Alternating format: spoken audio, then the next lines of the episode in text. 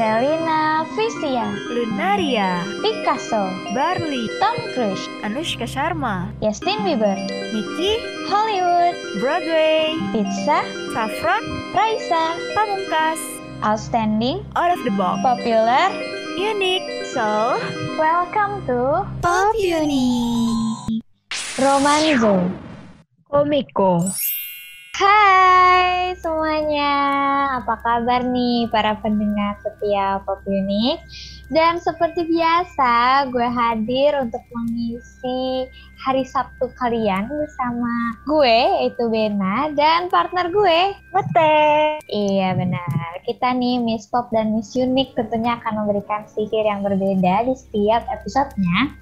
Dan di sihir ke-12 kali ini, kita ada sihir yang pertama tadi tuh, Romanzo dan Komiko. Apa sih? Romanzo dan Komiko itu artinya Romanzo itu bahasa Italia dari novel dan Komiko bahasa Italia dari komik. Jadi udah jelas ya kalau kita bakal bahas dua uh, buku yang berbeda jenis di sihir kali ini ya nggak teh? Iya benar. Sebenarnya kita juga sedikit melanjutkan ya dari yang episode uh, ramai seorang kan kita ngebahas tentang literasi gitu kan sama minat baca rendah gitu kan. Nah sekarang kita tuh emang lebih fokus ke jenis bukunya gitu ada novel sama ada komik tuh. Betul. Oh ya gue mau cerita dulu. Sebenarnya pas gue lagi nyari ini, gue tuh bingung. Kayak ini tuh novel sama komik tuh mana yang populer, mana yang unik gitu kan? Karena hmm. dua-duanya menurut gue sama-sama populernya gitu loh. Yeah, Terus yeah. juga buka artikelnya kata data kalau fiksi itu jadi buku yang paling populer di Indonesia sebesar 75%. Berarti kan kayak novel sama komik kan sama-sama fiksi gitu kan. Jadi gue bingung banget. Tapi akhirnya gue kayak simpulin dari beberapa artikel hmm. kalau novel itu biasanya di urutan atasnya menang tipis gitu deh jadi pertama novel kedua komik gitu loh jadi novel itu termasuk yang populer dan komik itu termasuk yang unik gitu deh oke okay. ya yes, sih benar oh iya by the way nih hmm. Ben lo itu tim novel apa tim komik aduh susah ya sebenarnya karena gue tuh suka banget baca jadi gue suka dua-duanya tapi gue lebih banyak ngoleksi novel jadi bisa dibilang gue tim novel kalau lo sendiri gimana teh gue kayaknya udah tahu sih ya karena lo jarang baca ya. lo tim apa nih Teh? Dengar jawabannya tadi betul. Tebakan lo tentang gue. Lebih punya banyak komik dibandingkan novel. Novel gue oh. ada beberapa, hmm. uh, tapi nggak sebanyak komik gitu. Lebih hmm. banyak kan koleksi komik gue. Oke okay, oke. Okay.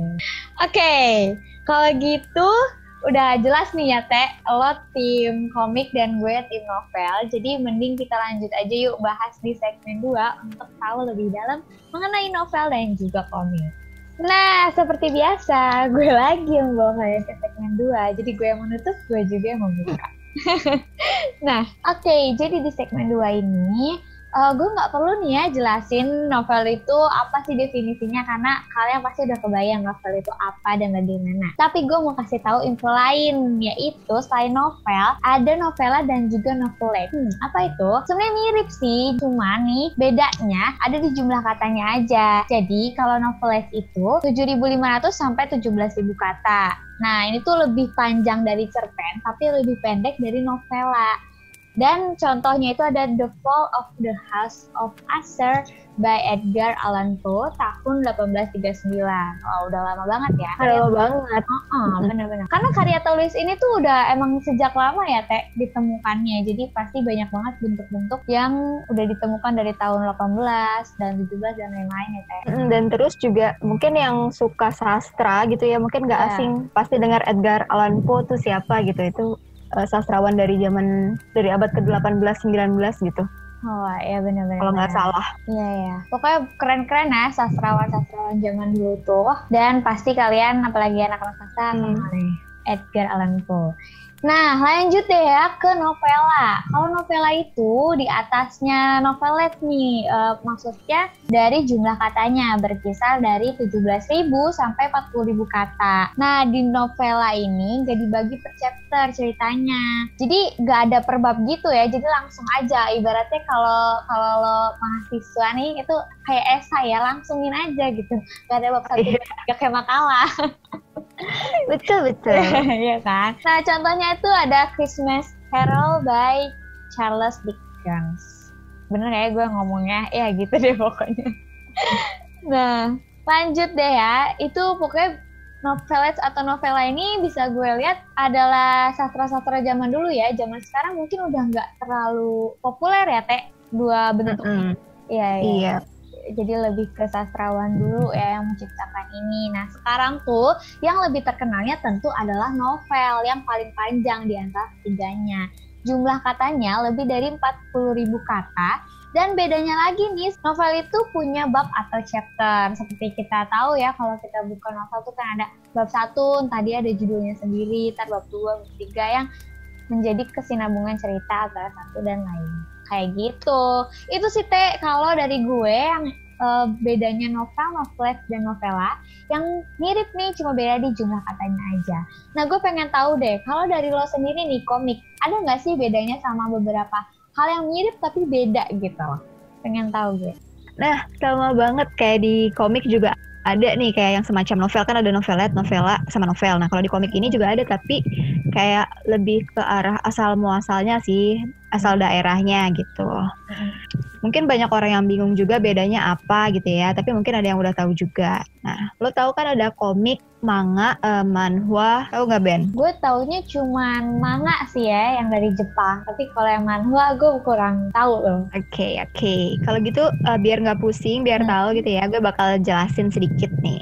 Oke. Kita mulai dari yang paling terkenal dulu kali ya istilah Hmm. komik gitu. Nah, komik ini sebenarnya itu media yang digunakan mengekspresikan ide-ide dengan berbagai informasi visual dan teks yang disusun sedemikian rupa sehingga membentuk sebuah jalan cerita gitu. Nah, bedanya nih kalau novel kan biasanya kita eh, banyakan tulisan gitu ya. Mm-mm. Walaupun ada gambarnya atau ilustrasinya itu kan lebih sedikit gitu dibandingkan tulisannya. Nah, Iya. kalau komik ini tuh dia lebih visual gitu. Jadi gambaran tiap kegiatannya tuh eh, digambarin dengan jelas gitu. Ada karakternya seperti apa gitu kan. Nah, bedanya sama novel. Contohnya tuh yang paling terkenal eh, mungkin kita tahu Marvel ya, Marvel DC ya Oh. kan, Ya, tahu dong. yang sampai dia bikin film gitu kan yang terkenal banget. Nah, kalau lo perhatiin mungkin Marvel atau DC itu punya kayak versi yang beda-beda gitu ya, ya kan? Iya. Terus ternyata hal ini tuh disebabkan karena hak cipta dari komik itu dimiliki oleh publisher. Nah, jadi dia tuh bersifat terbuka dan kemungkinan bisa memunculkan berbagai versi gitu. Jadi penulisnya nggak cuma satu tuh mungkin banget gitu. Gitu sih. Jadi kayak komik itu singkatnya cerita bergambar. Nah, di komik ini itu eh, ada penyebutan dari berbagai daerah yang berbeda kayak yang tadi gue sebutin di awal. Nah, Mm-mm. manga itu benar kata lo Ben tadi yang manga berasal dari Jepang. Nah, Ya. Ada dari abad ke-19. Udah lama juga ya. Kan? Nah, ciri khasnya itu gambarnya itu dengan mata lebar, mulut mungil dan hidung kecil gitu. Kayak walaupun gambarnya beda-beda tapi kayak karakteristik itu tuh tetap sama nggak sih dari setiap manga Jepang? Benar-benar. Matanya tuh bikin kayak berbinar gitu ya kalau gue perhatiin. Ah. Padahal walaupun warnanya kayak hitam putih, itu kelihatan banget gitu nggak sih? Gue ngerasanya gitu sih. Iya.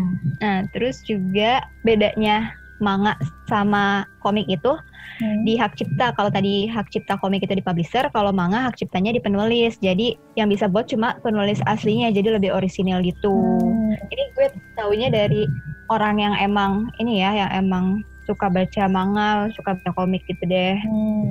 di sebuah forum gitu. Oke, nah terus ada manhwa-nya. Kalau manhwa ini komik dari Korea. Tuh, mulai populer di tahun 1920-an gitu. Genrenya macem-macem. Eh, dan ada genre yang khusus di Koreanya sendiri gitu. Jadi mungkin di negara-negara lain tuh nggak ada, tapi ada genre khusus di Koreanya gitu namanya Sunjong. Sunjong. Aduh maaf deh kalau gue salah ngomongnya. Nah, nah kalau di Korea ini manhwa ini dipengaruhi oleh eh, manga Jepang karena kan Korea dulu sempat dijajah Jepang kan, jadi Hmm. akulturasi atau asimilasi budaya tuh budayanya juga kental. Nah, salah satunya di manhwa ini yang buat manhwa ini disebutnya manhwaga gitu. Oke, oke. Contohnya tuh yang paling terkenal manhwa Orange Marmalade. Oh, iya. Gue pernah baca sih. Tapi, Oh, lo pernah baca? iya, gue bacanya di webtoon. Kan zaman sekarang udah beralih ya. Kalau komik Oh iya. webtoon. Nah, itu juga dari Korea. Gue pernah baca Orange Marmalade. Cuman, dia banyak banget sih episode jadi gue nggak habis.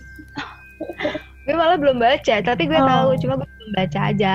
Hmm. Nah, terus terakhir tuh ada manhua. Nah, kalau ini berasal dari Cina gitu. Hmm. Sebenarnya mirip-mirip sih, cuma namanya doang yang beda. Intinya mah cerita bergambar. Hmm. Oh iya, nah biasanya kalau orang yang nggak biasa baca komik tuh, apalagi komik Jepang gitu tuh bingungnya karena itu dibacanya dari kanan ke kiri gitu kan, karena kita biasanya kan baca dari kiri ke kanan. Nah kalau Hmm. mereka bacanya dari kanan ke kiri tuh. Iya. Tapi kalau Barat sama manhua dari Cina itu bacanya dari kiri ke kanan, gitu sih bedanya. Itu aja sih Ben. Hmm. Mirip kan sama novel ada beda. Iya iya. Tapi kalau mungkin kalau di novel lebih ke jumlah katanya aja, dan kalau komik tuh lebih ke asal daerahnya mempengaruhi ya. Tadi kayak cara baca dari kiri ke kanannya, atau kayak hak ciptanya ya yang beda-bedain tuh. Mm-mm. Oke. Jadi itu ya bedanya. Nah berarti kita langsung aja lah ya, Teh, ke segmen 3 nih gue nggak sabar untuk ngasih rekomendasi nih ya dari sisi novel dan juga dari sisi komik sendiri untuk para pendengar kita Pop Unix yang tentunya bisa mengisi hari-hari kalian ya dengan rekomendasi kita ini. Yuk lanjut aja ke segmen 3. Oke, di segmen 3 yang buka gue nih Ben. Oke, gantian ya. Oke, jadi gue mau kasih beberapa rekomendasi komik yang seru buat lo baca. Eh, tapi sebelumnya, nih gue lebih banyak ngasih yang ini ya, yang detektif gitu ya. Oke. Tapi ada beberapa juga sih yang genrenya lain gitu. Jadi dimulai dari yang pertama komik kesukaan gue sepanjang masa, Detektif Conan. Pasti semua orang udah tahu sih Detektif Conan. Hmm. Conannya Dogawa. Jadi itu seru banget tentang detektif gitu. Terus juga detektif lainnya itu ada detektif Kindaichi. Nah Kindaichi itu katanya sih lebih lama daripada Conan, tapi gue juga belum terlalu baca banyak, tapi itu seru banget. Dia detektif SMA juga kayak uh, Shinichi Kudo, tapi lebih lebih beda aja sih kayak kasusnya lebih gitu sih kalau menurut gue ya. Hmm. Walaupun Conan secara keseluruhan kok uh, rumit, tapi kalau Kindaichi tuh per kasusnya tuh rumit gitu. Bedanya. Oke oke. Terus juga, oh ya, kalau misalnya kalian mau baca komik, kalian bisa di webtoon atau kalian bisa di Mangazon. Itu ada aplikasi yang buat baca. Kalau Magazon in, Mangazon ini isinya komik-komik Jepang semua. Nah di situ gue baca eh, QED. Itu QED juga masih sekitaran detektif. Hmm. Hmm. Terus ada lagi, oh ini ini lo harus baca sih. Kalau lo tahu Sherlock Holmes, Tahu tahu. Sherlock Holmes kan novel ya. Iya. Nah lawannya Sherlock Holmes ini kan ada Moriarty ya. Hmm. Nah, jadi Moriarty ini ini tuh ada ceritanya tapi bentuknya manga gitu. Oh. Namanya Mokaku no Moriarty gitu. Bentar, bentar. Gue takut salah. Lupa namanya depannya. Ini seru banget, bener-bener seru Hmm. banget. Kayak lo dikasih tahu uh, sisi lain dari penjahat. Penjahat lawannya Sherlock kan Sherlock tuh pintar banget ya. Iya. Nah si Moriarty ini jauh lebih pintar, nggak jauh sih, Uh, uh, agak sedikit. Agak suatu langkah di depan ya gitu ya, lebih maju. Mm-mm. Yukoku no Moriarty. Hmm. Itu nama komiknya ada ada versi bukunya ada yang di Mangazon ini gue bacanya di Mangazon. Seru banget asli. Nah terus lo harus baca juga eh, Horimiya. Hmm. Horimiya itu Betul. eh, kayaknya saking terkenalnya sampai mau dibikin anime sekarang. Hmm. Dengar-dengar sih gitu. Gitu terus ada ya yang lo tau lah pasti ada Doraemon. Terus Hmm. Nico, Nico. Oh iya kayak- Miko, lucu banget Miko. Miko tuh ringan banget ya untuk dibaca segala umur dan walaupun itu kan konyol ya kayak cuman cerita anak sekolah, anak SD, cinta-cintaan sama Tai, Tape, oh, Tape ya kalau nggak salah namanya. Si Miko sama Tape, terus Hmm. sama keluarganya. Tapi itu hangat aja sih yang gue tangkap ya dari ceritanya. Kok tuh ada pesannya gitu. aku suka gitu deh. Udah deh gue segitu aja kayaknya udah banyak banget. Mungkin deh Ben lo kasih rekomendasi novel nih. Oke oke. Tadi kalau yang Mute bilang ya kan ada banyak rekomendasi manga tuh ya, baik yang gratis atau yang bisa beli cetaknya, terus bisa diangkat ke anime juga. Nah, gue nggak mau kalah dong ya untuk ngasih rekomendasi ke kalian. Dan sebenarnya ini rekomendasi paling sulit sih selama Popunik berlangsung ya, karena sebenarnya banyak banget yang pengen kita kasih tahu ya Teh dari novel atau komik yang kita baca. Mm-mm. Seru-seru banget. Tapi dengan keterbatasan waktu kita harus memberi rekomendasi yang paling seru nih untuk kalian. Kalau untuk novel sendiri, uh, gue tuh paling suka sebenarnya novel-novel yang ada pesan kehidupannya. Dan novel yang paling lekat pesan kehidupannya itu kalau penulis Indonesia gue suka banget Terelie. Lo pasti tahu kan Teh walaupun lo jarang hmm. tapi gue tapi gue baca novel Terelie yang apa sih? Gue lupa Bintang Bumi dan oh, serialnya iya, itu. Iya iya. Iya itu salah satunya. Keren kan itu? gue baca sampai bintang kalau nggak salah. Tapi selanjutnya oh. gue belum baca lagi. Iya iya. Wah lo hebat. Malah gue baru baca Bumi kalau yang serial itu ya karena gue hmm. lebih ngoleksi yang lain-lainnya yang kayak cuma satu apa sih satu novel atau dua novel kayak serialnya tuh banyak banget ya itu tuh tentang pesan kehidupan dan dia tuh sama yang kayak Mute bilang tadi itu tuh kayak di luar batas gitu loh si imajinasinya. Jadi ibaratnya kayak J.K. Rowling-nya Indonesia bisa dibilang kayak gitu gitu ya. Hmm. Karena dia hmm. benar-benar bisa menciptakan sama gitu dunia sendiri yang tentang bumi dan lain-lain itu atau bahkan kayak salah satu novel yang paling gue udah baca berulang-ulang itu no, judulnya hujan. Nah itu tuh tentang masa depan ada bencana kayak bencana gede banget di bumi dan itu menyebabkan semua teknologi itu hancur. Jadi dari situ orang itu memulai dari nol lagi nih dari tanpa teknologi sampai mereka akhirnya berkembang lagi. Nah itu tuh kan sesuatu yang imaji banget ya, yang nggak bisa kita bayangin sebenarnya. Tapi pas baca novel itu benar-benar kita bisa menyelami, oh iya ada dunia yang hancur dan akhirnya dibangun lagi dan lain. Jadi gue suka banget ya novel-novel Terelie, entah hujan, serial bumi, atau ada yang tentang negara, negeri ujung tanduk, dan lainnya. Karena Terelie itu punya ciri khas menyampaikan pesan kehidupan di setiap novel yang dia ngasih, kayak gitu. Nah, lanjut nih Teh, selain Terelie yang lo udah tahu, gue yakin kalau ini lo nggak tahu. Soalnya ini juga terbitnya ini tahun 2013. Kenapa gue milih novel ini? Ini tuh novel sebenarnya punya kakak gue, judulnya Truth or Dare. Ini tuh yang itu Rons Imawan DKK dan zaman dulu tuh ada Twitter at Wokonyol. Jadi dulu kan zaman zamannya Twitter dan hmm. bikin novel ya hmm. kayak at Pocong yang kayak gitu karena novelnya. Ini salah satunya. Dan novel ini itu bercerita tentang truth order aja teh sebenarnya, tapi ini kumpulan dari para apa ya pokoknya para penulisnya tuh dikirim ngirim cerpen ke si Edward Konyol ini jadi dikumpulin jadi satu novel yang semua itu tentang Truth Order dan di sini itu tuh bukan cuma cerita tentang ada romansnya oh. tapi dia tuh ada tentang thrillernya juga. Jadi Truth Order yang berujung kematian terus juga ada truth order yang berujung uh, penjara. Pokoknya seru banget deh. Kayak ini tuh sesuatu oh. yang simple tapi bikin kita tuh deg-degan dan kayak oh akhirnya tuh kita gak bisa nembak gitu. Ini seru banget. Lo harus baca ini teh. Lo pasti suka. Karena ini cerpennya tuh pendek-pendek. Satu cerita satu cerita hmm. gitu. Cuma ada satu cerita yang ada lanjutannya ada tiga gitu karena ini penulis aslinya. Yang lainnya tuh kan cuma satu cerita satu cerita. Dan semuanya itu seru banget sih. Jadi kita gak bisa nebak akhirnya dari truth or dare. Pemain yang sederhana tapi bisa diulik sedemikian gitu.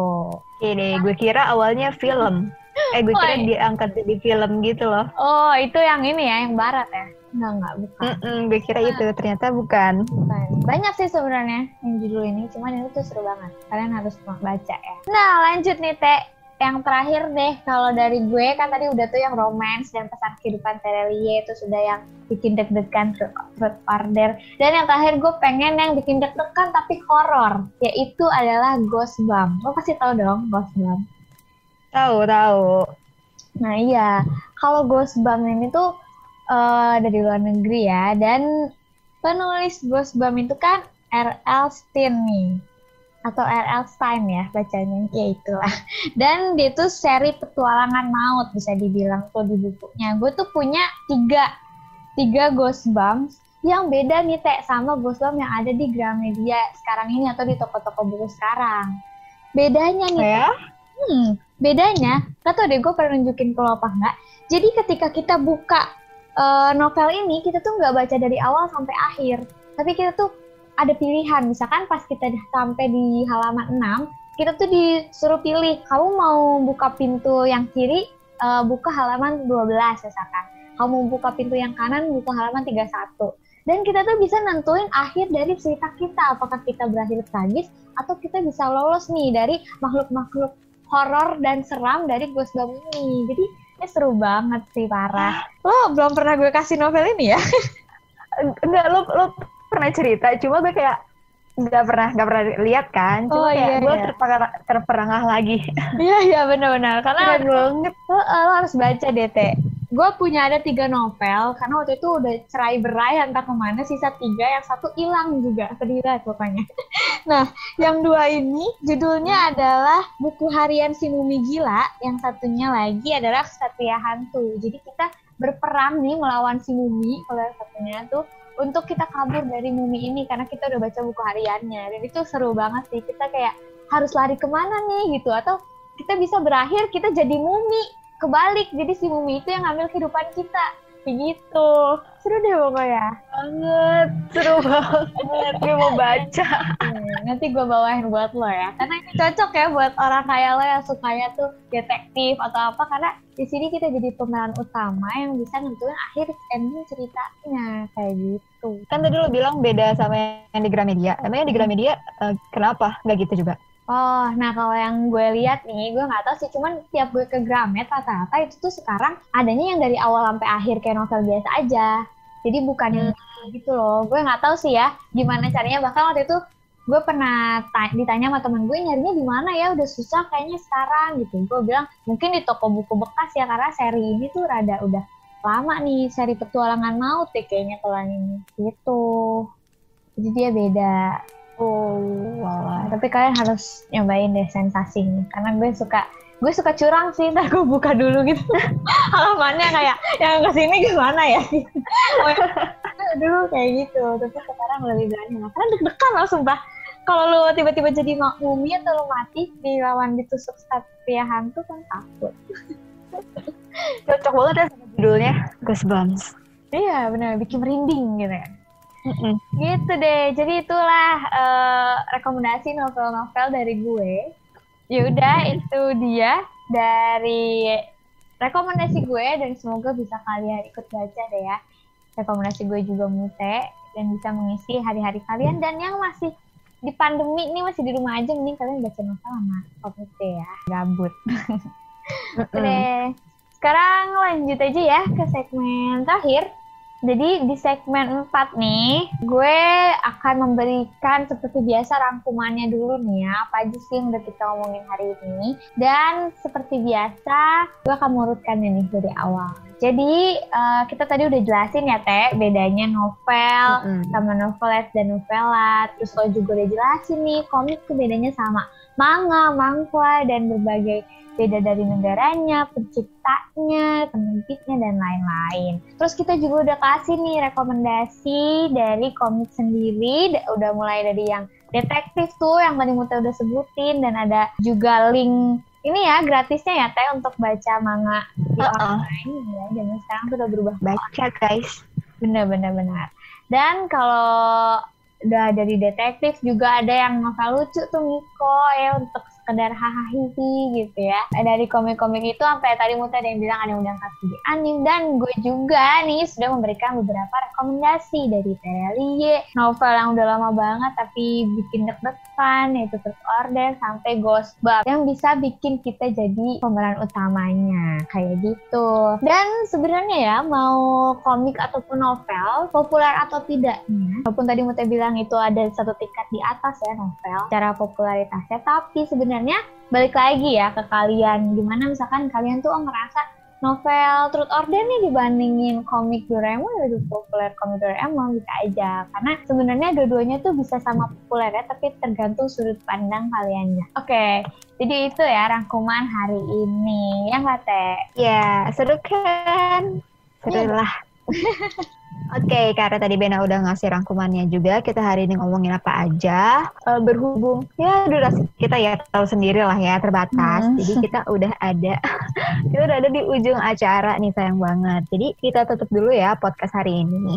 Nah, tapi kalian jangan sedih, jangan gundah karena minggu depan kalian bakal dengerin kita lagi dengan bahasan yang gak kalah seru, yaitu family oriented versus career oriented. Wah. Gimana? penasaran? Tentu dong ya, harus penasaran. Biar tapi. Mm -hmm. oh iya, dan minggu depan kita ada narasumber. Oh iya, seperti biasa ya. Sekarang di sihir ganjil ya kita ada narasumber. Iya. Oke. Kalau gitu uh, cukup sampai di sini aja. Uh, kita berdua pamit, gue Mute dan partner gue. Bena tentunya. Kita pamit undur diri dan sampai jumpa lagi. Bye. Bye. Pop Unique The Magic Between the Taste. Iya, Fe. Kratia